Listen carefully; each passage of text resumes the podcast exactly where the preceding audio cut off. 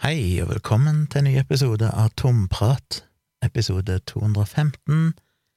I dag har jeg litt av hvert å snakke om, like rodete og planløst som vanlig. Alltid hyggelig at dere gidder å høre på meg, men eh, får se om jeg har noe fornuftig å si i dag. Jeg vil begynne med å bare markere en liten milepæl. Jeg tror jeg har spist vegansk i bortimot ei uke nå. Eller vegansk-ish. Eh, jeg vel lagt meg på ei linje der jeg tror det nærmeste jeg kan komme det jeg kan leve med, er vel kanskje pesketarianer, som basically er en vegetarianer som vil også spise fisk og, og sånt. Eh, en vegetarianer spiser jo ikke kjøtt, men andre animalske produkter er jo innafor. Jeg har jo prøvd litt av hvert nå, ble litt inspirert av en uh, På fredag for ei uke siden så hadde jo meg og Tone en uh, livestream sammen som heter Ærlig talt, som vi prøver å kjøre hver fredag, selv om det vel ikke bli noe i kveld, fredag 30. juli, fordi jeg har dattera mi og ei venninne på besøk, og det blir litt vanskelig å sitte i stua og livestreame da. Men ellers er vi jo hver fredag kveld. Og der kom vi inn på dette med vegansk igjen. Og den diskusjonen er jo tatt mange ganger, helt ifra dialogisk sin tid og et par ganger i livestreamen min òg, og sånn. Og eh, ja, jeg skal ikke gå inn i den på nytt, men eh, det korte svaret er vel at jeg alltid har anerkjent at veganere har i veldig stor grad rett, at det er vanskelig å finne gode argumenter imot det. Men eh, jeg har vel vært for svak i viljen, synes det er vanskelig, og jeg har jo vært en tilhenger av at det viktigste er jo at flest mulig klarer å komme litt av gårde, spise mindre kjøtt eller mindre animalske produkter. Ikke at alle nødvendigvis skal bli veganere over natta, det tror jeg er uoppnåelig. Så hvis bare folk flest hadde klart å skjerpe seg litt, så hadde det hatt enorm betydning. Så jeg har jo prøvd å skjerpe meg så mye jeg kan. De siste par årene så har jeg jo spist mindre kjøtt enn det jeg gjorde tidligere, men det går litt opp og ned. Det er plutselig perioder der jeg spiser litt mer kjøtt, og så kan det gå lengre perioder der jeg basically bare spiser grønnsaker og, og sånn. Men etter vi hadde den livestreamen, så begynte jeg å tenke litt på dette med veganske erstatningsprodukter. Jeg har prøvd noen av de tidligere, ikke syntes de var spesielt gode, men eh, Kiwi-butikken her på Haugenstua har nettopp blitt pussa opp. Den var ganske liten og stusslig tidligere, så ble den stengt i et par måneder eller noe sånt, og så åpna, åpna den plutselig igjen for noen uker siden, og den er jo blitt så flott, og der har de plutselig et utrolig bra utvalg av veganske produkter som imponerte meg. De har jo en Rema 1000 òg her borte i hogget, og den har basically ingenting. Eh, så det er bra. Så plutselig hadde de jo eh, sikkert fem-seks forskjellige veganske typer hamburgere. De hadde ja, masse andre sånne kjøtterstatninger. De hadde vegansk ost, de hadde vegansk skinkepålegg, vegansk bacon, alt mulig sånn rart. Så kan en jo mene hva en vil om om vegansk mat bør prøve å etterape kjøtt, eller om det heller bør bare være sin egen greie. Men eh, det er ikke noe tvil om at i en del sammenhenger så er det praktisk at dette ligner kjøtt, blant annet fordi at kanskje en er med andre og skal spise pølse, og så finnes det pølsebrød, og så er det greit å kunne ha noe som minner om ei pølse i pølsebrødet, eller sånn som eh, Ja, første gang vi prøvde det, var tidligere i juli når dattera mi var her sist, så fant vi ut vi skulle grille hamburgere. Og da fant vi ut at jeg liker å ta veganske hamburgere. Og det var helt greit for dattera mi, det er liksom ett fett for henne, hun var nysgjerrig på å prøve. Så vi kjøpte jo hamburgerbrød og veganske burgere og grilla dem, og, og lagde også egne burgere med salat og alt det som hører til. Og da gikk det opp for meg at shit, dette her er jo ikke så verst. Det er ikke, det er ikke den samme smaken som kjøtt, på noe slags vis, men det er liksom ikke så viktig for meg. For meg er det mer konsistensen, at du har den den blokka med protein, alt over det, i midten av burgeren. Det er et eller annet med det.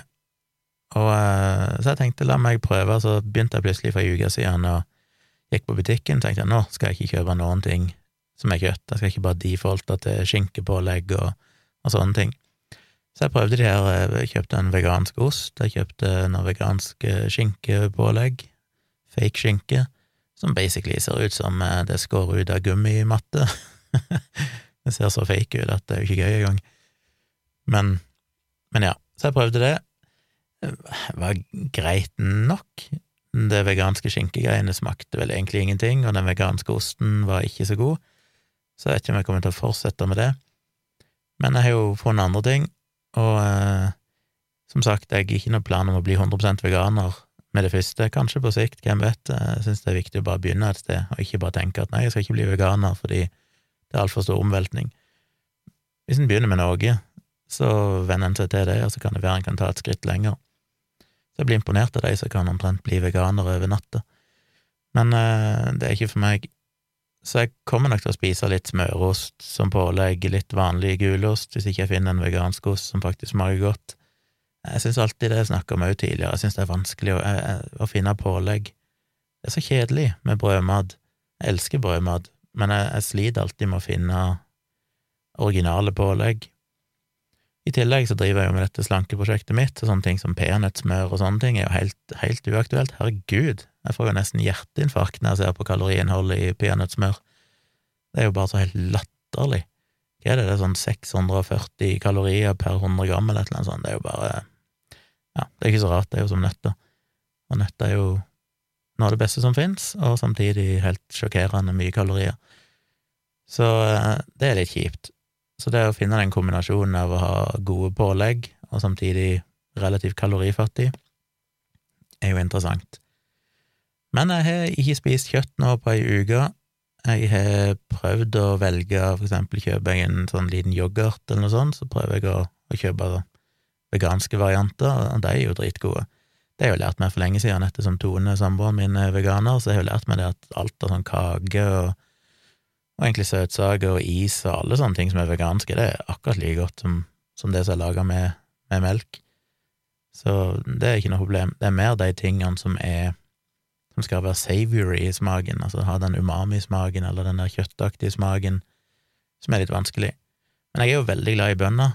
Jeg har jo i mange, mange år i perioder nesten levd av å ta ei gryte, kaste oppi en boks med chilibønner, en boks med bønner i tomatsaus eller baked beans, en boks med maiskorn, og så bare varme det opp i noen minutter. Hvis jeg skal spise det alene, så pleier jeg å gøffe det opp med chilikrydder og pepper og alt mulig rart, for jeg liker at det er spicy. Eh, hvis Tone òg skal spise det, så gjør jeg ikke det, for hun liker ikke spicy. Men det er bare det er bare godt alltid. Så da tar jeg gjerne en grønnsakblanding, frosne grønnsaker, steiker opp det, klatter på med, med bønner, bønne, bønnemaisblandinga mi, og så er det et fantastisk måltid. Og frosne grønnsaker har jo vært en åpenbaring de siste årene, så jeg spiser mye av det. Jeg har alltid fryseboksen full, full av sånne grønnsakblandinger. Og de har noen som er så gode, de har jo en sånn grønnsakblanding som òg er potetbåter i. Den er bare helt fantastisk, det kan jeg spise sånn middag. Bare varme opp det og ha på noe ketsjup eller et eller annet sånt. Så det er fantastisk godt. Og, så det er mye Jeg spiser mye som er vegansk i, i perioder, men, men nå har jeg liksom lagt Men jeg har stort sett alltid holdt meg til at jeg spiser litt skinkepålegg og sånne ting. Men det skal jeg jo prøve så godt jeg kan å unngå framover. Og som jeg har sagt til Tone, jeg ser ikke vekk fra at jeg kommer til å spise kjøtt i noen sammenhenger, for eksempel pinnekjøtt på julaften, eh, eller hvis jeg er på besøk hos folk. Men sånn 95% av det jeg spiser, og vel så det, er jo hverdagsmat som jeg kan velge sjøl hjemme, og da kan jeg ta de valgene. Og de fem prosentene av måltidene som skjer i, i, situasjoner der jeg ikke nødvendigvis kan styre det sjøl, eller som er spesielle anledninger, så kan jeg heller eh, ja, skeie ut. Men fisk må jeg ha. Jeg vet at det er kanskje hyklerisk, for jeg har jo sjøl jobba med da jeg i Folkeopplysningen og jobba med den episoden om lakseoppdrett, så fikk jeg jo en del innblikk i ja, dyre Hva heter det? I eh, ja, det etiske aspektene rundt um, det å drepe dyr. Ikke så mye laks på mange måter. Laksen blir jo sjokkerende humant avliva, fordi den blir jo sett på som et husdyr. Uh, den blir jo født og oppfostra, ikke født og egentlig, men den blir jo oppfostra i bur, på en måte, i merder, og derfor har vi et ansvar på han, og er beskytta under dyrevelferd som blir lova, på samme måte som sauer og griser og sånne ting. Så jeg satt jo og leste rapporter, dokumenter om hvordan de avliver laks, og det var ganske interessant å se hvor mye arbeid de legger i å avlive dem humant. Ikke nødvendigvis bare fordi at de ønsker det beste for laksen, men også fordi at det kanskje er økonomiske insentiver i det, at kjøttet er mørere når du klarer å avlive laksen uten at han er stressa i forkant og sånne ting. Så, men jeg er jo egentlig mer villfisken, og bare tenker på hvordan de sober inn villfisk i svære noter og sånn, og bare opp i en båt, og de basically bare kveles til døde i lufta der. Det er ikke noe human avliving der. Men det er kanskje dumt å si men, men inntil videre så spiser jeg fisk. Jeg ser vel på de som er ikke på langt nær så overbevist over at de har en bevissthet og en bevisst, et bevisst forhold til sin egen eksistens, på samme måte som høyere, høyere i gåsehud, da, dyrearter har det. Igjen selvfølgelig feil å si høyere, men høyere dyrearter med høyere intellektuell kapasitet, for å si det sånn. Men det er jo det vi dilemmaet med veganisme og sånn, det er jo at hvor setter du grenser? Alle setter jo grenser et sted. De som eh, er veganere, aksepterer jo fortsatt at insekter blir drept, og mye alle kunne gjort, selv om du er veganer, så kan du fortsatt gjøre ytterligere ting for å unngå at dyr blir drept, inklusiv ting du konsumerer av klær og andre ting som sannsynligvis påvirker gjennom produksjon av bomull, eller hva det skal være. Alt skader jo dyr og miljø, og alt som skader klima, skader jo til syvende og sist dyr. Så alt du forbruker, er jo basically uetisk med tanke på dyr og natur, så så et eller annet sted må en jo trekke grenser så lenge en skal eksistere i denne verden. Så foreløpig setter jeg den iallfall over fisk, så får jeg jo se om jeg fortsetter med dette. Jeg skal ikke si at jeg kommer til å bli veganer, men jeg uh, tenkte bare å opplyse dere om at jeg er litt stolt over at jeg har prøvd å gjøre det, iallfall. Så får vi se hvordan det går. Men jeg må ha makrell i tomat, jeg må ha sardiner. Det både fordi jeg liker det, men mest av alt fordi jeg føler fisk. Jeg mener, hvis det er én ting du alltid får høre, så er det at folk bør spise mer fisk. Så hvis det er én ting jeg har tro på rent sånn ernæringsmessig er viktig å få i seg, så er det jo fisk. Så heller fisk enn kjøtt. Jeg tror det er både bedre etisk sett, selv om det kan diskuteres, og helsemessig sett definitivt bedre. Så jeg holder meg til fisk. Jeg kommer til å innta noe som inneholder melk, for eksempel ost og kanskje noen smøroster og sånne ting, eh, hvis jeg ikke finner gode erstatninger. Men bortsett fra det så kommer jeg til å prøve så godt jeg kan å styre unna rene sånne kjøttprodukter i så stor grad jeg kan. Så det er jo en liten milepæl. Eh, kan vel nevne òg, jeg ga vel en eh, Jeg har vel nevnt det her i podkasten, er ikke det? At jeg Jeg vet ikke hvor jeg er. Jeg tror jeg får litt vondt av meg sjøl av å snakke om slanking. For det, for det første, folk hater sikkert å høre om det. For det andre så har det vært litt opp og ned med hvor flink jeg har vært. Jeg har noen ambisjoner av og til, og så klarer jeg ikke å holde det. Men jeg nevnte vel at jeg eh, må se om jeg finner denne grafen min. Ja. Jeg nevnte vel at uh, for en tid tilbake at jeg skulle prøve å faste. Det varte ikke så lenge. Det syntes jeg var ræva. Så jeg har gått tilbake igjen til den gode, gamle, velprøvde metoden min med kaloritelling. Det er liksom den ene tingen som funker for meg. Og uh, det er gått overraskende bra. Jo, jeg har nevnt det, i denne podkasten, så jeg har prøvd å holde meg under 1400 kalorier, cirka. Og det har jeg stort sett klart. Mange dager har jeg spist kanskje bare 1200-1300. Noen få dager har jeg kanskje gått opp mot 1500. Men det er jo fortsatt relativt lågt. Det er jo nesten 1000 kalorier mindre enn det en voksen mann burde ha hver dag. Um, så det har jo hatt effekt. Jeg har vel gått ned fire kilo siden jeg snakket om det. Det vil si fire kilo på ja, et par uker. Så det er jo egentlig overraskende kjapt. Så hvis det fortsetter, så kan jeg jo ha nådd målet mitt om å komme ned i 90 kilo i løpet av Tviler på at jeg går kanskje på to uker til, men kanskje i løpet av en måned. Og det er da veldig kult, at jeg kanskje ut i august en gang, mot slutten av august, kanskje jeg kommer ned i 90. Det hadde vært en kult Da hadde jeg vært veldig fornøyd med meg sjøl. Og det er egentlig gått veldig greit, så det var bare en liten oppdatering på den fronten. Ellers må jeg si at uh, vi hadde jo vår første VI-prat her i går. Jeg kalte det VI-prat i mangel av noe bedre, og det står for VIP-prat.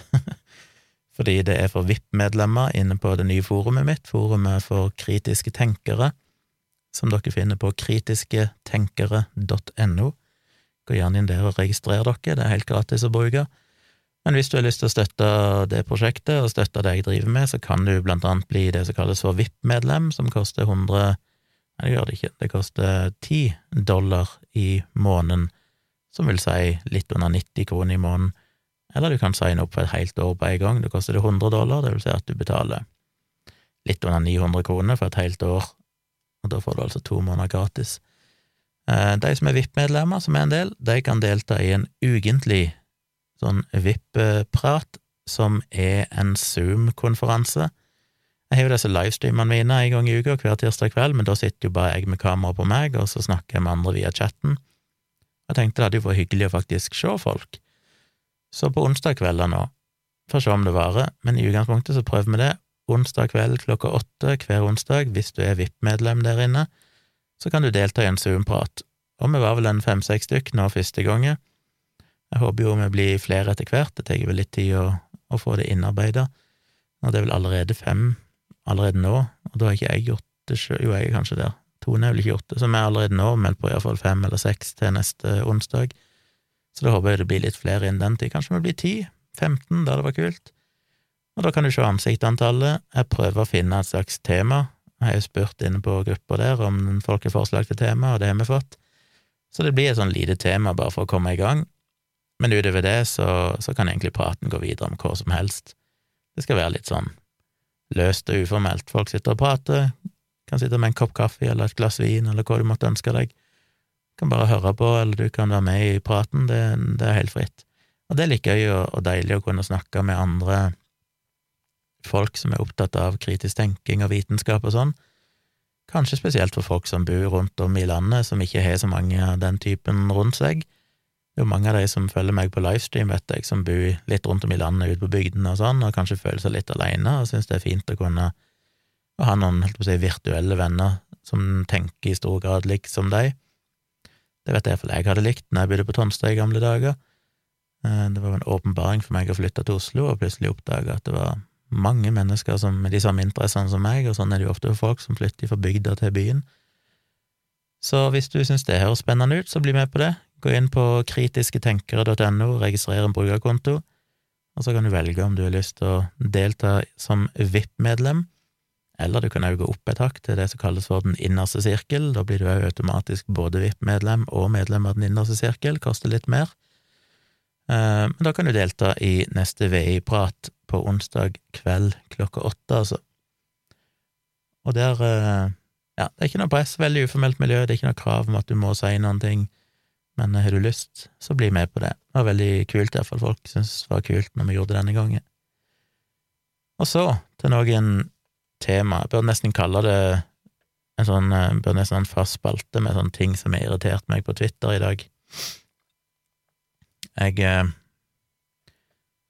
Skal vi se, den første var vel eh, Christian Gundersen, professor i biologi på Universitetet i Oslo som delte en artikkel nå i kveld, veldig seint i kveld, eh, fra Aftenposten. Den ligger bak betalingsmur, så jeg har ikke fått lest den, anten de første par-tre avsnittene.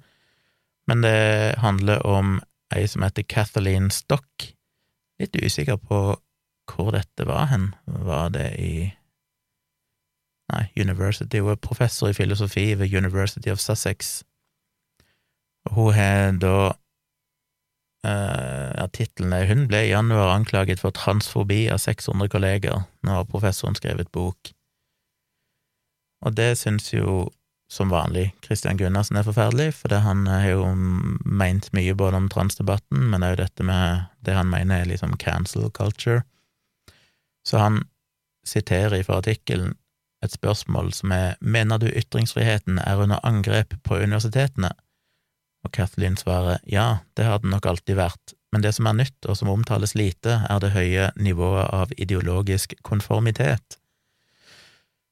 Eh, så det, hun mener jo at det er ikke lov å mene noe som er annerledes, og det mener jo Christian Gunnarsen òg, mener at det er liksom blitt farlig nå å ha meninger som er utradisjonelle, eller som ikke er politisk korrekte i gåsehudet. Og det er spesielt uheldig på universitetet og sånn, for der bør det være liksom mulighet til å mene alt. Det skal, det skal være veldig høy, stor takhøyde for, eh, for, forskjellige meninger. Og det er selvfølgelig i prinsippet rett, men jeg liker jo for eksempel Kim Heger, som svarer unna og skriver Hva vet jeg, men kan det ikke hende at disse 600 rett og slett bare synes hun er helt bak mål på jordet, og kanskje hun til og med er det? Er det da ideologisk konformitet, eller bare at 600 kollegaer mener hun farer med tøv?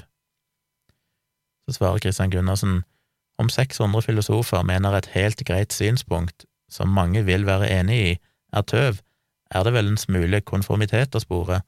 Underskriftslista er, heller, er eh, heller ikke en særlig akademisk debattform. Og så skriver Aurora B det samme som jeg har skrevet både kronikker om og snakka mye om. Eh, hun sier at eh, problemet er vel egentlig at minoriteter har begynt å bruke stemmen sin og får støtte fra en del i majoriteten. Det er nok ubehagelig for mange som er vant med å kunne si hva de vil, når de vil, uten konsekvenser. Og Christian svarer problemet er vel egentlig at noen ønsker konsekvenser utover motargumenter for en viss type meninger. Aurora svarer slik har det alltid vært og kommer alltid til å være, forskjellen er bare at majoriteten får oppleve konsekvensen av dette for første gang nå. Og det er jo det jeg òg har sagt og skrevet, skrevet en kronikk i Dagbladet om det, og jeg, skrev, jeg tror jeg skrev om det i Jeg vet ikke hva jeg skrev om det, iallfall en kronikk i Dagbladet, som egentlig går på det samme, at dette handler jo egentlig ikke om at plutselig er lov å si mindre enn før, men at uh, folk uh, som tidligere ikke hadde en plattform, ikke hadde en stemme i samfunnet, blant annet gjennom sosiale medier og det som mange vil kalle for identitetspolitikk, som selvfølgelig kan være problematisk på noen områder, men som samtidig har vært veldig viktig i at nettopp transpersoner eller ja, forskjellige folk som har vært marginaliserte tidligere, og som kanskje har vokst opp uh, ut på landet eller ikke følt de har noen andre som er som deg, og de har følt seg veldig alene og vært i skapet, plutselig via internett og sosiale medier har funnet styrke nettopp i fellesskapet, og dermed fått en stemme, og dermed blitt en, en slags trussel mot det etablerte. Og det er klart at når folk som eh, har vært en del av det etablerte, denne klassiske, litt sånn klisjéaktige middelaldrende hvite mannen, eh, plutselig ikke lenger kan si hva de vil, så er det plutselig ramaskrik om cancel culture og deplatforming og sånn, som er veldig rart, når de ikke tenker over at ja, men alle de som nå klager, har jo stort sett aldri gjennom historien hatt en plattform. Hvor var egentlig sympatien for deg i alle de hundrevis av årene som er gått. Eh, hvor var medlidenheten for at de ikke fikk en plattform, nettopp fordi de var en minoritet, eller var ja, noe, noe som du ikke kunne snakke om hvis du var transperson, noe som det ikke engang var lov å på en måte stå fram med, eller, eller, ha en fornuftig samtale om for bare noen, noen år siden, egentlig, eller iallfall noen tiår siden. Og det er rart at det liksom først når det rammer deg, som alltid har hatt muligheten til å snakke, og de som hyler høyest, det er jo gjerne de som har ti millioner følgere og tjener fem millioner i måneden på sponsoravtale allerede, og reiser rundt i verden, holder foredrag og gitt ut 15 bøker og blir deltatt, får lov å ytre seg i debatter og TV-programmer stadig vekk. Så sier de noe som er idiotisk, og så er det noen som reagerer, og så er det 'oi, cancelling', når det, når det på ingen selvs måte er synd på dem. Og ja, jeg som jeg har snakket om mange ganger, selvfølgelig finnes det eksempler på at dette kan være problematisk, men igjen, du kan ikke avfeie en hel endring i, i kulturen i dag basert på at det finnes noen tilfeller som kanskje går for langt. En må likevel kunne anerkjenne at i det store og hele så er dette en bevegelse som er sunn og positiv. Så kan en kritisere enkelttilfeller, men det som stort sett blir gjort i debatten, er jo at folk trekker fram de enkelttilfellene og da mener at dermed er alt dette problematisk, heller enn å si at nei, i det store og hele så er faktisk dette en veldig bra bevegelse, det er riktig vei å gå. Um, så det jeg tenkte på med Kristian Gunnarsen og denne artikkelen, er jo at ja, for det første, hva er det egentlig hun har sagt og meint? Og det jeg klarer å lese ut ifra begynnelsen av den artikkelen, er jo basically den klassiske at hun mener at det bare finnes to biologiske kjønn, og at eh, transkvinner egentlig er Ja, de er jo ikke kvinner på ordentlig. Og som jeg snakket om i livestreamen for en tid tilbake, så er det en sånn sjokkerende merkverdig måte å tenke på.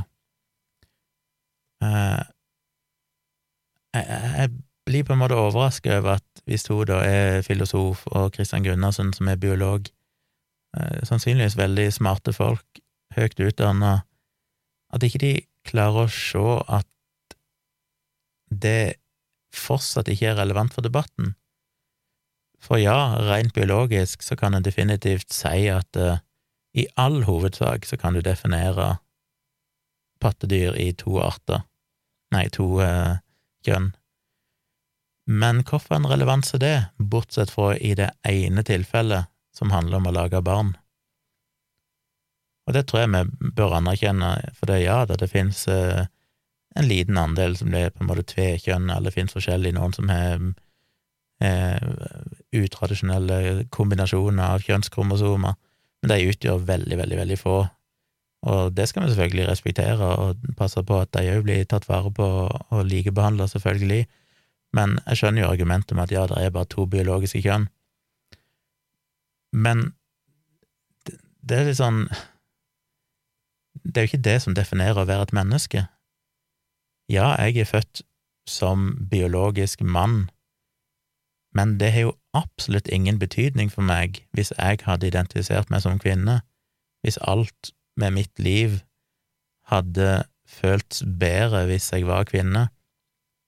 Hvis det er det jeg føler at jeg identifiserer meg med, det andre dame, andre jente eh, Så syns jeg jo hele den debatten er vanskelig i det hele tatt, for det er klart, som jeg har sagt før, generelt sett er jeg ikke noen tilhenger av at vi skal være så opptatt av kjønn i det hele tatt. Det er jo på en måte et, et feilspor. Altså, hele den ideen om at du kan være født eh, Du kan være cis-mann, altså født eh, tildelt kjønn mann ved fødselen, og identifisere deg som kvinne, og dermed være en transkvinne.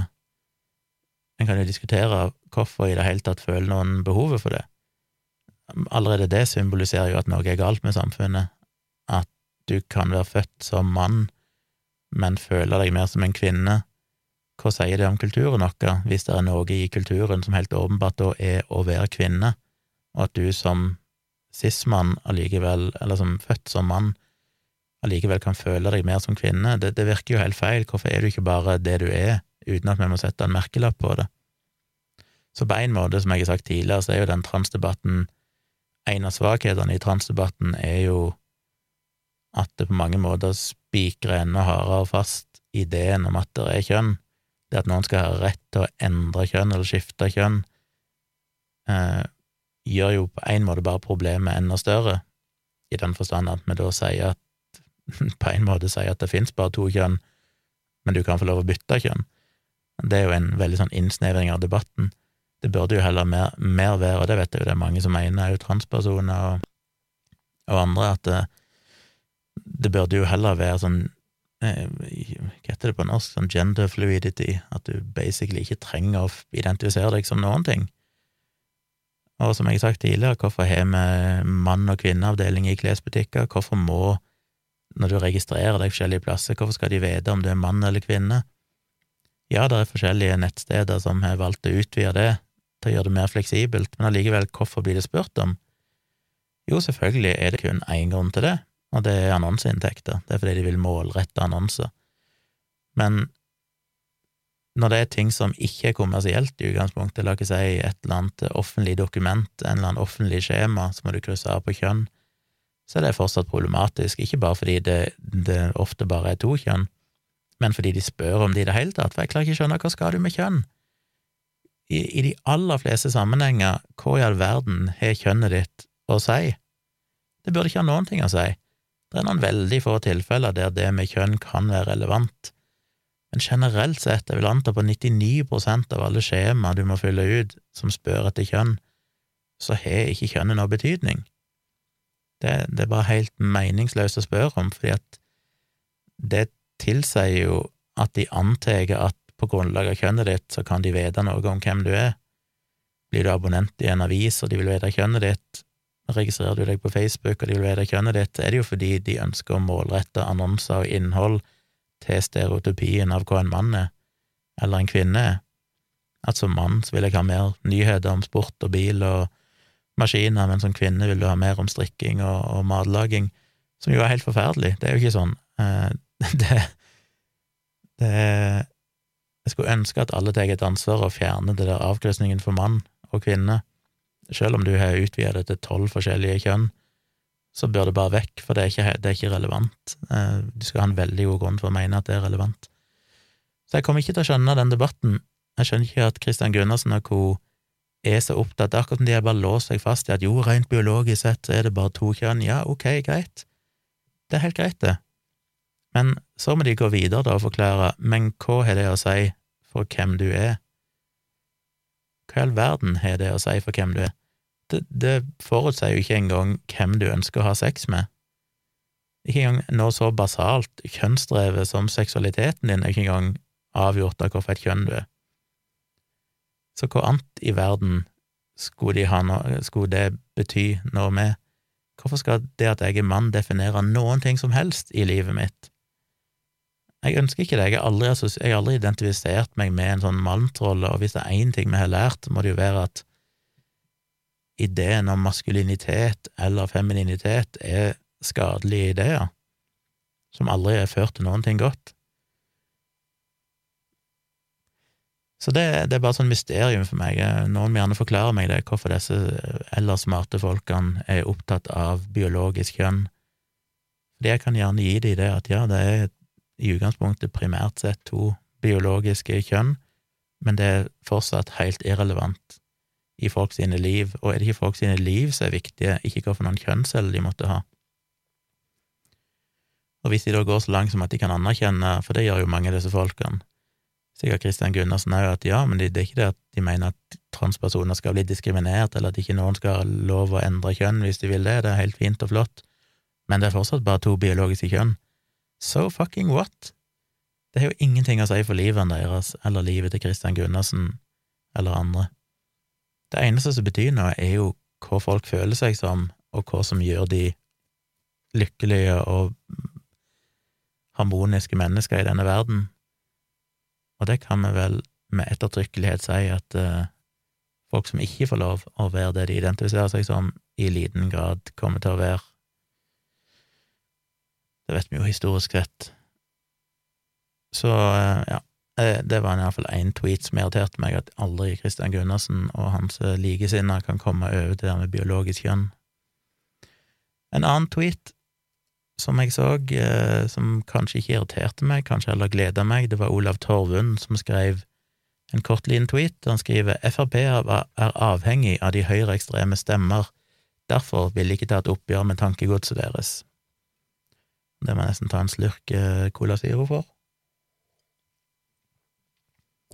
For det første, første svaret han får,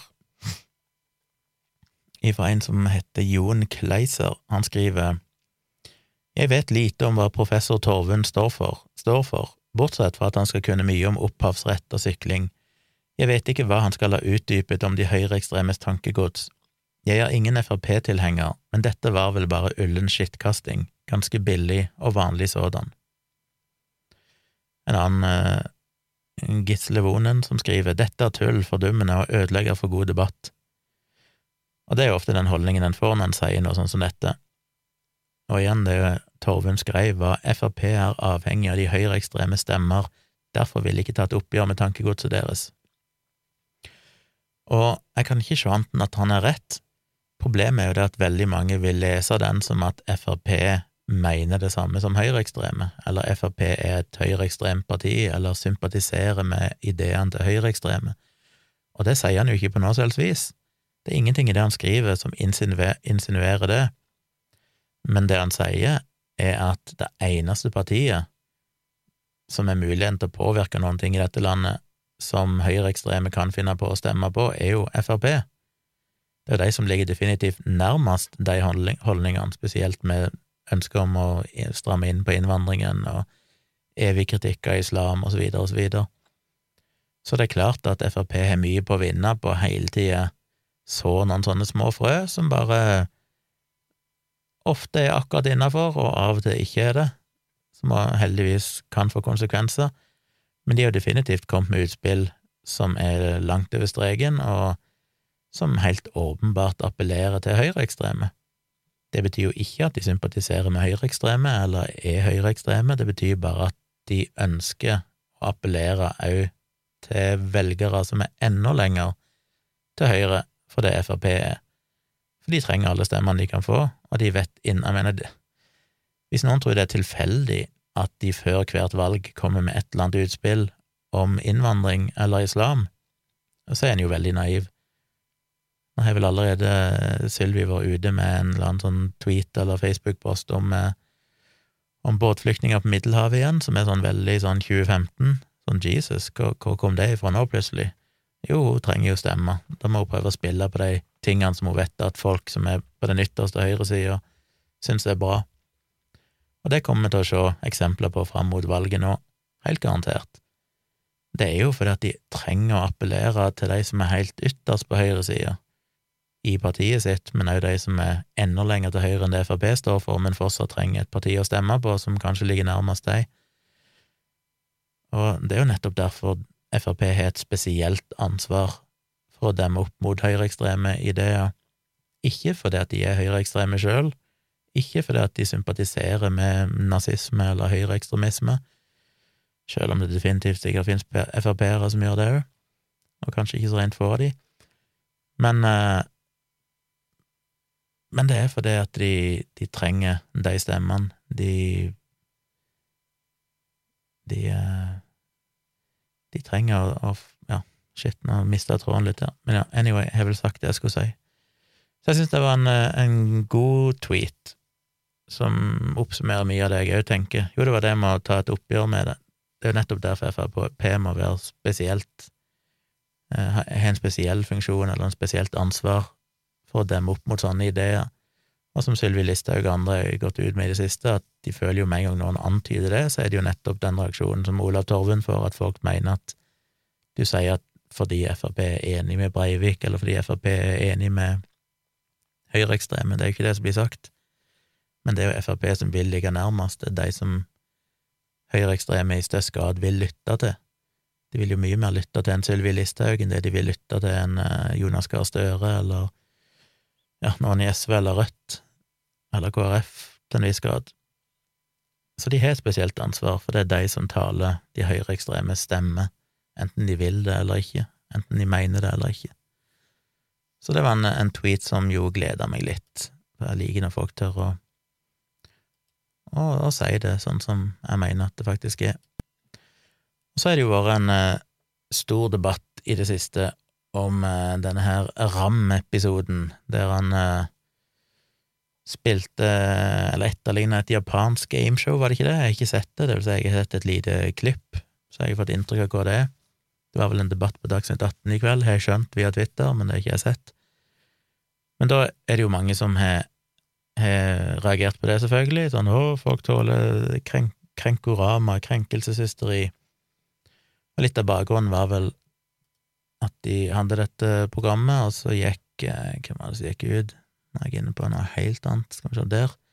Hun Jenny Huse, en influenser, som vel sjøl har asiatisk bakgrunn. Uh, ja, jeg reagerte på det og syntes det var ubehagelig. Og så kommer jo da Fredrik Solvang, og han syntes ikke det var noe problematisk, og så blir det en diskusjon om det. Og så kommer jo enkelte folk på Twitter, for eksempel en som skrev én ting NRK kan gjøre, er å legge ut RAM-episodene på nett-TV og eventuelt legge til en advarsel på starten av programmene om at enkelte kan føle seg støtt av humoren. Synd at ingen skal få se et program fordi noen blir støtt. Og det synes jeg jo er en grov misforståelse. Nå tar jeg ikke noen stilling til om det programmet burde vært vist eller ikke. Jeg har ikke sett nok av det til at jeg kan uttale meg, og uh, ut ifra det jeg har skjønt, så var det muligens innafor, fordi det var ikke sånn at han, han på en måte hadde skeive øyne eller hadde sminka seg som en uh, japaner eller noe sånt. Det var mer det at de harselerte med den, de der crazy, elleville japanske TV-programmene og gameshowene, som jo er crazy og elleville og, og selvfølgelig fristende å harselere med. Så det er mulig at det, det var innafor, det vet jeg ikke helt. Men det jeg engasjerer meg i, det er mer responsen som den type kritikk får, for den er ofte sjokkerende korttenkt. For eksempel denne som jeg nettopp leste, for det er sånn, hvis vi legger til grunn da at den RAM-episoden faktisk var så problematisk at den burde fjernes, så hjelper det jo ingenting å legge på en advarsel i starten. Dette har vi jo snakket om tidligere på livestreamene mine, og jeg er tilhenger av at en ikke skal nødvendigvis fjerne gamle klassikere, eller ikke si gamle Disney-episoder som i dag kan bli sett på som rasistiske, fordi det er en, en del av ja, kulturarven, på et vis. Det er en del, en del Det er noe som til en grad blir en slags historieomskriving hvis en bare fjerner, og som fortsatt kan ha en verdi, men som jeg synes det er riktig å kunne legge til en advarsel i forkant av, og bare gjøre folk oppmerksom på at dette programmet her inneholder problematiske holdninger som vi tar avstand fra i dag. Men et program som dette, som er helt nytt, er jo Eller sånn som Nissene på låven, vel, som ble fjerna, og så kom det vel tilbake igjen, det var vel en greie her i vinter. Eh, det er jo ikke en sånn kulturskatt på samme måten. Føler jo terskelen bør være litt lavere der for å fjerne det. Eh, for da var jo spørsmålet kunne en bare legge på en advarsel eller ikke. Og ja, kanskje kan en legge på en advarsel. Problemet er jo bare det at da glemmer en jo Altså, da tenker han som skrev denne tweeten, tenker at problemet med programmet er at noen kan synes det er ubehagelig å se på, og dermed så kan en legge på en advarsel, en slags trigger warning, sånn at de kan la være å se på det, men andre som ikke blir støtt, kan få lov å se på det. Men det er jo ikke sånn det fungerer. Poenget er jo at, det, at de som ikke blir støtt av det, syns dette programmet er morsomt, vil jo bidra til å videreføre holdninger i samfunnet som nettopp rammer de som føler at programmet kan være krenkende. Jeg tror ikke sånn som Jenny Huse og andre som har reagert på det programmet, nødvendigvis eh, syns selve programmet i seg sjøl var så fælt å se. Jeg tror ikke det er folk som kollapser i gråt fordi at noen harselerer med et japansk gameshow. Det som er problemet, som Jenny Hushaug poengterer, er jo nettopp det at det viderefører, det på en måte legitimerer holdninger som hun har lidd under i hele sin oppvekst, med at folk gjør narr av asiatere, eller kaller hun for ching-chong, eller lager skeive øyne, eller et eller annet sånt. Og da hjelper det jo ingenting med en advarsel, fordi at det viderefører holdninger.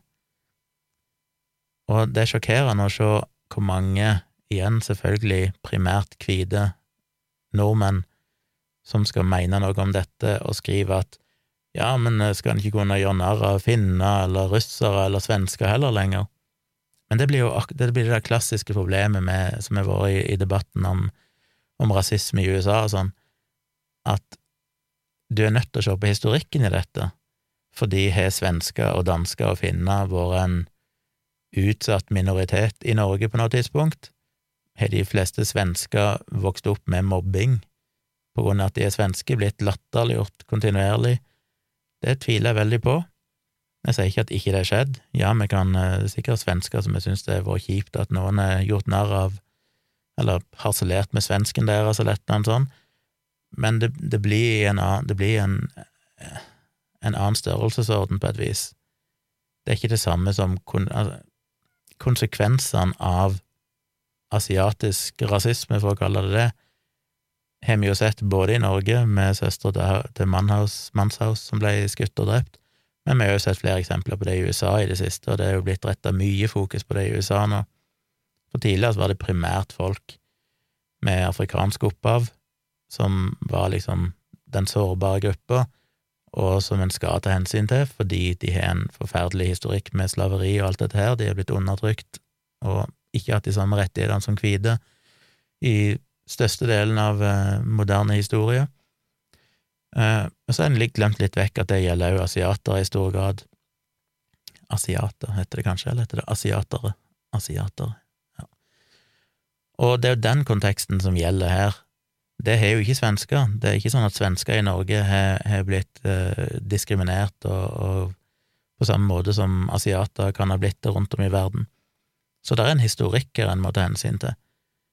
Så det hjelper ikke å bare legge på en trigger warning på et sånt program. Det er bedre enn ingenting, for all del, men det, det, hensikten med en trigger warning er jo ikke at folk som blir krenka av å se det, da kan la være å se det, sånn at andre kan få lov å se det som ikke blir krenka av det. Hensikten med en trigger warning eller en sånn advarsel må i så fall være at dette er holdninger vi ikke legitimerer, i håp om at de som velger å se programmet, skal skjønne det, at dette er ikke noe vi på en måte ler av fordi vi syns det er greit å le av det. Dette er noe som ble lagd, det ble vist ved en feil, fordi vi gjorde en for dårlig vurdering, derfor har vi valgt å beholde det, men legge på en advarsel. Det er i så fall poenget.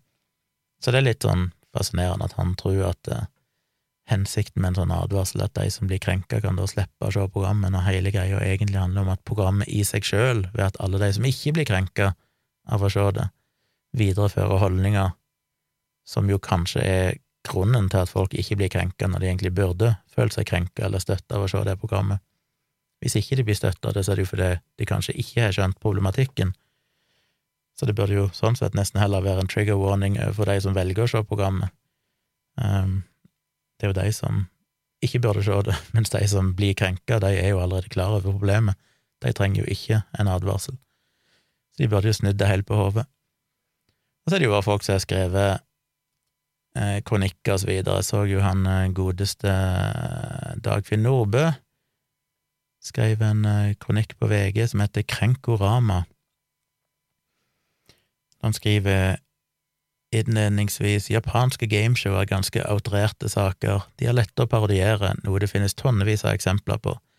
Siden NRKs huskomiker Nicolay Ramm har spesialisert seg på sportsrelatert humor, var det naturlig å bruke konseptet i anledning Tokyo-OL, men på grunn av et par, i utropstegn, klager eh, fjernet NRK like godt alle innslagene. Det er underlig og en sterkt beklagelig avgjørelse. Og så går han videre og viser til at ja, men vi har jo harselert med alt mulig tidligere, så hvorfor skal vi plutselig ikke tåle det nå? Så trekker han fram eh, Harald Eias legendariske sketsj om Skrukken, for eksempel, og så kjente jeg hva i all verden har det med saken å gjøre? Da gjør han i beste fall narr av seg sjøl. Det er jo ikke Det handler jo ikke om eh, noe som er i nærheten av å kunne være rasistisk. Eh, så snakker han om om KLM som parodierte Gutta på skauen, som var et eksempel på noe som NRK faktisk hadde fjerna, fordi folk ikke likte at uh, der parodierte de vel, eller at de liksom var klønete motstandskjempere som endte opp med å sprenge seg sjøl i lufta hele tida. Og det ble det vel ikke ble vel ikke akseptert.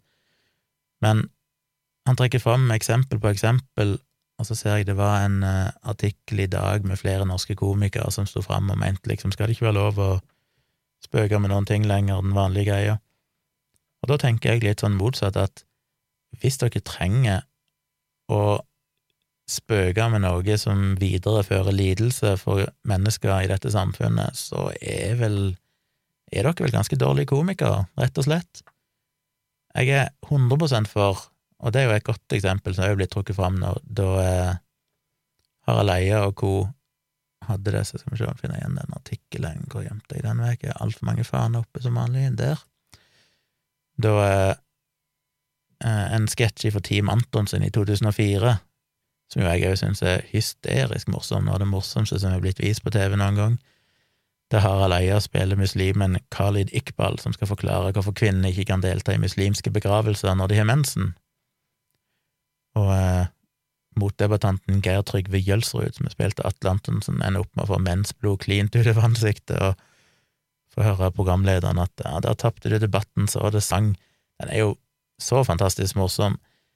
Men da det ble trukket fram i 2018 i en artikkel på Fri Tanke, da ble eh, Lars Gule spurt om ikke dette var eh, rasistisk. Han er jo da leder for Antirasistisk Senter. Nei, han er, det er han ikke. Han er Hva er det Lars Gule er? Uh, Nei, gudene vet, men jo leder for Antirasistisk Senter, Rune Berglund Steen, og for så vidt eh, rådgiver i Humanitisk Forbund, Didrik Søderlin, mente vel alle at dette ikke var problematisk, fordi dette var islamkritikk. Det innslaget på Team Antonsen var jo basert på et reelt nyhetsinnslag fra Migrapolis, der en muslimsk talperson forklarte at kvinner ikke er lov å delta i muslimske begravelser fordi de kan være i mensperioden. Og det er jo riktig å harselere med. Det er jo nettopp det som Lars Gule påpeker, det er jo nettopp det som er religionskritikk, og da er det innafor. Og dette har jeg snakket om mange ganger tidligere, at jeg syns det er så bra, jeg syns det, det skal være lov å spøke om absolutt alt, til og med ting som kan oppleves rasistisk, så lenge det faktisk er et legitimt poeng i bånden. Og det slipper jo folk unna med den dag i dag. Det var det her i podkasten jeg snakket om Louis C.K. med den der omvendte rasisme-sketsjen sin, holdt på å si, eh, biten sin, der jeg føler at ja, det er jo det han sier der, er jo på en måte rasistisk. Altså, han, han fremstiller jo stereotypier om hvilke type yrker folk med forskjellig etnisk bakgrunn er forventa å ha i samfunnet, iallfall i det amerikanske samfunnet. Men så klarer han å gjøre en spinn på det som får deg til å tenke over ting, og kanskje stille spørsmål til dine egne holdninger, og da har det en funksjon. Og så lenge du kan ha en funksjon, et eller annet, et høyere mål, noe intelligent med det, så må du for all del spøke om absolutt alt. Og jeg har vel til gode å se eksempler på det ennå, at den type innslag Nei, det har sikkert skjedd, men stort sett så ser sånne type innslag, eller sånne type standup eh, ut til å overleve, nettopp fordi folk skjønner at her er det et større poeng. Men når norske komikere kommer og sier at det må jo være lov å harselere med forskjellige kulturer og etnisiteter, så er jeg helt enig i det, hvis det er en eller annen legitim kritikk, samfunnskritikk i det, eller et eller annet sånt, men hvis alt du har å komme med, er å etterligne en annen etnisitet eller kultur fordi det er morsomt i seg sjøl, da er det ikke mye å fare med som komiker, altså. Helt uavhengig av om hvilken skade det kan gjøre og sånn. Jeg mener, hvis det er så langt du har klart å nå som komiker, at du skal etterligne en kineser, og så skal du være morsom, og så skal du føle at, føle at det er urettferdig fordi du ikke får lov å gjøre det, ja, da bør du bare legge ned det du driver med, og, og starte som eh, økonom eller et eller annet istedenfor. Og det er den, det, det er liksom den differansen jeg syns til og med disse norske komikerne som jeg tenker burde jo vite bedre, de burde jo skjønne den forskjellen. Og i akkurat det der Nicolay Ramm-innslaget, så igjen, jeg vet jo ikke Jeg klarer ikke helt å bestemme meg for om det var innafor eller ikke. Jeg syns jo vi skal lytte til folk som syns at det er problematisk. Samtidig så skjønner jeg at det faktisk er morsomt, fordi det er jo selve gameshow-konseptet som er morsomt. Det er jo ikke at han er japaner. Eh, og det syns jeg jo er en, en vesentlig forskjell. Ut ifra det lille jeg har sett, så virker det som at det selve konseptet, selve TV-programmet som er morsomt, og det syns jeg jo er helt selvfølgelig helt legitimt å, å lage humor av. Jeg opplevde vel ikke de klippene jeg har sett, som at han, at han lager humor av det å være japaner i seg sjøl, og da er det helt innafor. Så det er mulig at eh, NRK jo helt tok feil ved å gjøre det. Um, bortsett fra at eh, Jenny Huset sier, når ikke jeg har sett det, men hun sa vel at han jo snakket om ching chong og et eller annet sånt, og da begynner du å touche litt innom det som er mindre greit, for det er jo nettopp en sånn ting folk med asiatisk bakgrunn, kinesisk bakgrunn, uh, har blitt mobba for i oppveksten. Og det kan jeg til og med huske fra min egen oppvekst, at det var sånne ting vi òg kunne si, og det er selvfølgelig ikke noe gøy hvis du er elev på en skole og har kinesisk bakgrunn, og noen begynner å snakke om ching chong til deg og sånn, som jo du sannsynligvis ikke kan identifisere deg med heller, i det hele tatt, fordi du er vokst opp i Norge, så er det problematisk. Så det er mulig han trådte over ei grense, jeg vet ikke. Men det er liksom de der subtile nyansene, at du, kan, du må kunne gjøre narr av et japansk TV-konsept, fordi det er jo hysterisk morsomt, så lenge du ikke gjør narr av det å være japaner i seg sjøl. Og det er mulig, der vet jeg ikke helt hvordan, om de navigerte den grensa riktig. Og det må være lov å gjøre narr av japanske holdninger hvis det er legitim samfunnskritikk eller kritikk av holdninger de har. Eh, for eksempel er vi japanere Noen har vel kalt de det mest rasistiske folket i verden. Jeg husker jeg sa det i en dialogisk episode og fikk mye motbør, men det er jo både folk som har bodd der, og også noen studier vel som peker i retning av at en, de har jo en tradisjon der med at det japanske folket er liksom edelt og ikke skal blandes med andre i noe særlig grad. det har vel bitt de røde de siste årene, fordi at de har vært så strenge med innvandring der, at, eh, og befolkningen begynner å bli så gammel at de sliter vel med arbeidskraft og sånn. Så de må vel begynne å myke litt opp på innvandringspolitikken sin. Det er jo ikke lett å få bosatt seg i Japan hvis du kommer utenfra. Eh, men det er jo en sånn ting en kunne gjort narr av, fordi det er en problematisk holdning. Og da er, du, da er du inne på samfunnskritikk og legitim eh, kritikk, sammen med islam. For all del gjør narr av det hvis det handler om å gjøre narr av utdaterte, farlige, undertrykkende ideer i islam. Da er det helt innafor. Men hvis du gjør narr av det å være en muslim, i seg sjøl, som om det er morsomt fordi de ser rare ut eller snakker rart eller et eller annet sånt, så er det ikke innafor, fordi da er skadevirkningen større enn nytten. Og skadevirkningene er der definitivt.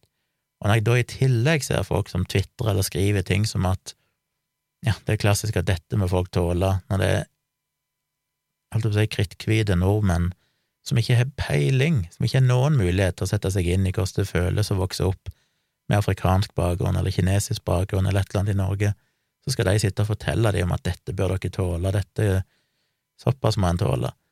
Hold kjeft, sier jeg bare. Dere er de siste som skal uttale dere om det. Lytt nå heller til de folkene som faktisk har måttet levd, levd i den verdenen og vokst opp med det, og prøve å respektere at dette faktisk er veldig vondt og vanskelig for deg, og hvis ikke prisen av å gjøre verden bedre for deg er større enn at du må gi slipp på noe veldig, veldig billig og dårlig humor, så er jeg helt for å gi slipp på den billige og dårlige humoren. Hvis det derimot betyr at du ikke skal kunne kritisere noen ting med kinesere eller kinesisk kultur, så er jeg ikke enig, for da kommer det over igjen i det med at så lenge det er legitim, viktig kritikk, samfunnskritikk, så, så er det absolutt noe en kan harselere med. Så det har vært en eh, jeg vurderte å skrive noe om det, men så tenkte jeg jeg orker ikke. Men jeg syntes det var greit å bare snakke litt om det. Og igjen, det er ikke, det er ikke egentlig programmet med han Nicolay Ramm jeg, jeg er mest opptatt av, det er mer de som skal gå inn og kritisere avgjørelsen til NRK med ekstremt dårlige argumenter, som jeg ikke helt klarer å Ja, som jeg synes er ganske korttenkt veldig ofte. Så det, folkens, tror jeg var det jeg hadde på hjertet i kveld. Som sagt så tror jeg ikke det blir noen eh, livestream i kveld fordi vi er gjester. Vi har jo planer. Dattera mi er her med ei venninne på besøk i noen dager. Og eh, de kom i ettermiddag med bussen fra Kristiansand, og i morgen så blir det vel en bytur rundt og rusla litt i Oslo. Heldigvis så blir det opphold, ser det ut til, på ettermiddagen. Det blir kanskje litt sol og ikke noe regn, så det passer bra, for det er jo høljregn de siste dagene. Eh, så da går vi vel ned, og de skal vel shoppe litt, og så spiser vi kanskje noe ute og sånn, får se. På lørdag så blir det Tusenfryd. Da ser det ut til å bli regn igjen hvis ikke værmeldingen endrer seg i siste liten, så det er jo ikke så trivelig. Men eh, ikke noe valg, vi kjøper billetter. Det var jo på grunn av korona, så de begrensa antallet billetter, så jeg kjøpte jo billettene for ganske lenge siden, og da var det jo utsolgt fram til dagen før, så jeg måtte bare kaste meg over og kjøpe, uten å ane hvor været kom til å bli. Men det blir nok gøy uansett, så det blir en liten tur der og begge gangene så drar jeg med meg kamera, for det synes jeg alltid er gøy. Når vi er ute på sånne ting, så blir alt mye gøyere når en har med seg kamera. Eh, jo, jeg hadde en siste ting jeg skal snakke om som jeg holdt på å glemme vekk. Det hadde jeg egentlig notert, men eh, på mobilen min, mens ikke det synka over til datamaskinen. Det er jo svakt. Det er ikke synkinga her har skjedd. Eh, da må jeg dobbeltsjekke mobilen min om jeg hadde skrevet ned noen flere ting som ikke er synka over, og som jeg ikke òg samtidig hadde i i huet? Nei. Det siste jeg har, er at jeg ikke begynt Altså, inne på Forum for kritiske tenkere, som er basert på en plattform som heter Mighty Networks. Der kan du altså ha forum, grupper og sånne ting, som jeg jo har tatt i bruk. Men i tillegg så kan du designe kurs der inne. Og det har jeg veldig lyst til å gjøre. Jeg har jo snakka lenge om at jeg har lyst til å ha mer foredrag, jeg har lyst til å ha kurs i forskjellige ting, jeg har lyst til å ha lage video om hvordan du lager podkast, video om hvordan du lager video, holdt jeg på å si, eh, video om andre ting, men aldri helt funnet ut hvordan jeg skal angripe det.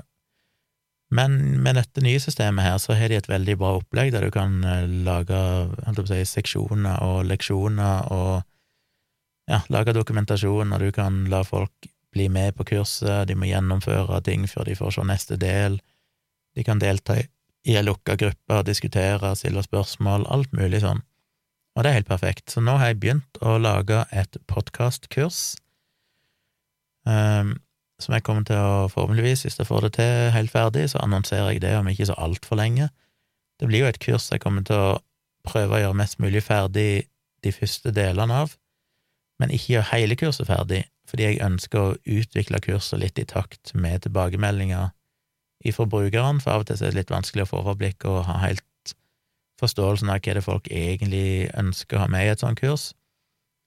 Så jeg kommer nok til å gi en rabatt til de som melder seg på innenfor en viss frist, og de som er først ute, litt fordi at de òg da blir med og indirekte kanskje hjelpe litt til å, å, la meg utvikle kurset.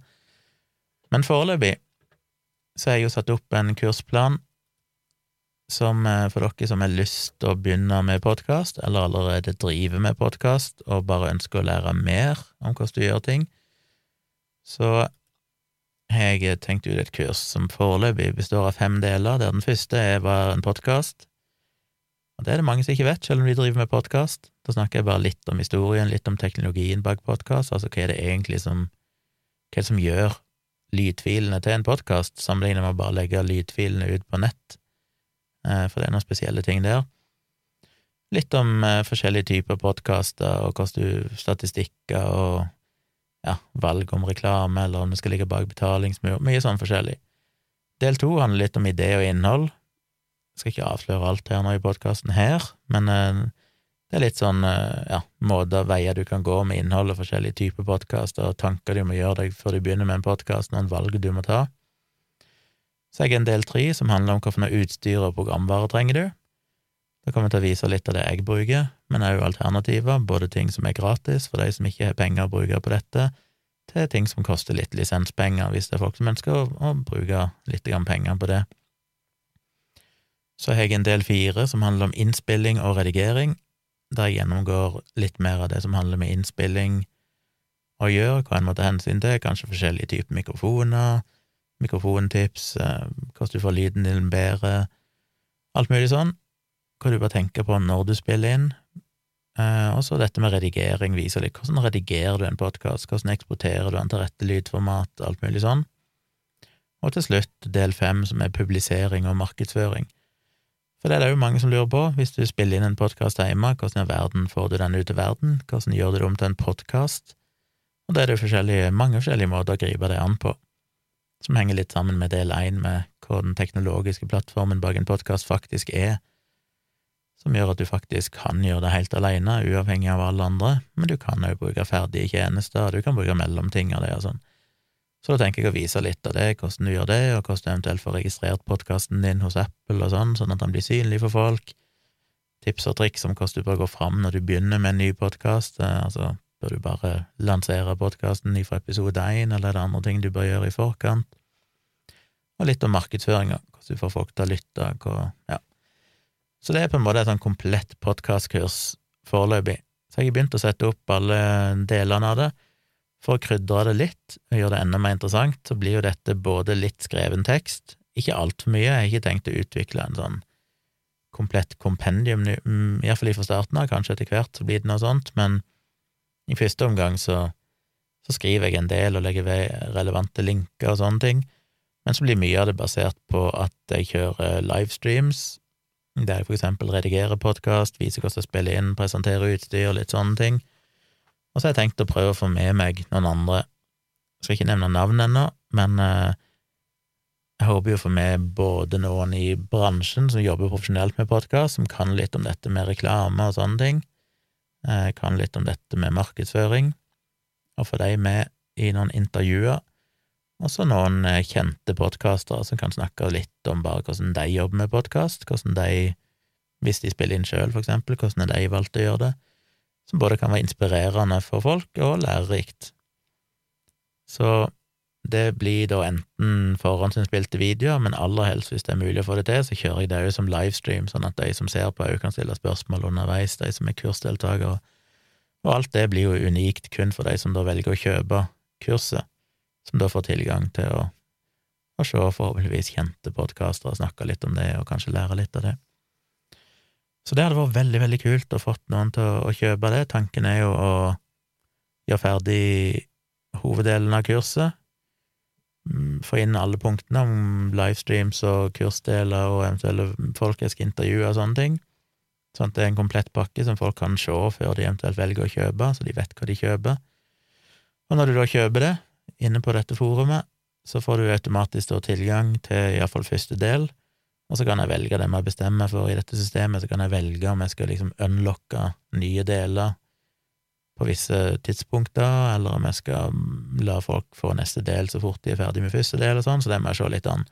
Ting som er avhengig av for eksempel at jeg må ha en livestream med en eller annen aktør når jeg skal intervjue, som henger sammen med en seksjon i, i kurset. De må jo tidsdatere på et vis, så vi får se. Men poenget er at du kjøper deg tilgang til kurset ved en engangspris, du betaler en kursavgift, og så kan du da være med på hele dette kurset, som da vil vare ja, det må jeg jo se litt på hvor lenge jeg skal strekke det utover, da, men kanskje ja, over en måned eller to måneder eller noe sånt, jeg får se litt hvordan det blir. Og så kjører jeg sikkert, når det er ferdig med første kull, så kommer jeg sikkert til å tweake opplegget litt, og så kommer jeg til å legge det ut for et nytt kull, hvis se om det er flere da som vil kjøpe seg inn, kjøpe kurset. Og det kan jeg da holde gående framover, egentlig uendelig, holdt jeg på å si, bare holde det oppdatert, så folk kan kanskje fire ganger i året eller sånn, så legger jeg ut nye, en ny runde der folk kan kjøpe seg inn og være en del av kurset. Grunnen til at jeg ikke vil bare la det gå fortløpende, at alle kan bare kjøpe når de vil, det er jo nettopp dette med livestreamene og dette med at jeg òg skal være tilgjengelig. Så hvis det er noen som er med på kurset, som prøver å redigere en podkast og sliter med det, så kan de da kontakte meg, og så kan jeg òg være en veileder for de og hjelpe de. Jeg har jo bortimot 30 års erfaring med lyd. Jeg har jo jobba tilnærmet profesjonelt i mange, mange år. Eh, profesjonelt i den forstand at jeg fikk lønn av Sirdal kommune for å jobbe med lyd og lys og scene i kommunen i en del år, og har undervist eh, i dette og har gått på flere kurs og gått på Norsk lydskole et år, så jeg har jo på en måte en formell utdannelse i det òg, eh, og jobba med det på privaten i, siden slutten av 80-tallet. Så jeg føler jo jeg har kompetanse til å kunne snakke om de her tingene og lære folk ganske mye. Så for folk som er nybegynnere eller kan litt, men ikke er eksperter, så har jeg definitivt en del å lære vekk. Så ja, hvis dere syns det høres interessant ut, så send meg gjerne en mail på tompratpodkast.gmail.com. at eh. Det kan dere gjøre om alt jeg snakker om, eller tips til nye ting jeg skal snakke om. Men hvis dere er nysgjerrig på dette podkastkurset, har et feedback på hva dere kunne tenkt dere jeg skulle hatt med i et sånt kurs, hvis dere føler at det kunne vært aktuelt for dere, så gi meg gjerne tips om det. Jeg er veldig interessert i å høre hva dere der ute faktisk kunne tenkt dere å ha noe om i et sånt kurs, hva dere ønsker å lære om. Eh, så har jeg jo etter hvert, muligens hvis dette her funker, så har jeg litt lyst til å lage et tilsvarende kurs som handler om hvordan du lager YouTube-videoer og livestreamer. Det kan jeg jo òg en del om etter hvert. Da kan jeg gjøre litt av samme opplegget, da, med utstyrsbehov, programvarebehov, eh, hvordan du redigerer en video, ting du må ta hensyn til med lyd, bla, bla, bla, fargekorrigering, alt mulig sånt som jeg har lært meg opp gjennom de siste årene. Det hadde vært kult å gjort, så hvis dere syns at det var interessant, send meg gjerne en mail om det òg, eller skriv til meg inne på forumet hvis dere er inne på forumet allerede. Og når jeg sier forumet, så mener jeg da kritisketenkere.no. Eh, hadde vært veldig gøy å lage noe om digital fotografering og bildebehandling òg, det har jo veldig lenge hatt lyst til å lage kurs om.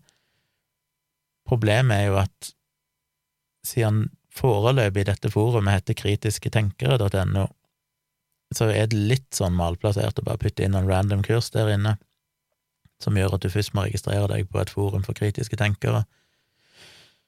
Så, men jeg har gjort det sånn foreløpig, fordi at det koster ganske mye å, å, drifte det forumet. Jeg har ikke råd til å kjøpe en helt ny lisens bare for å ha disse kursene mine, før jeg vet om det er noe inntekt i de.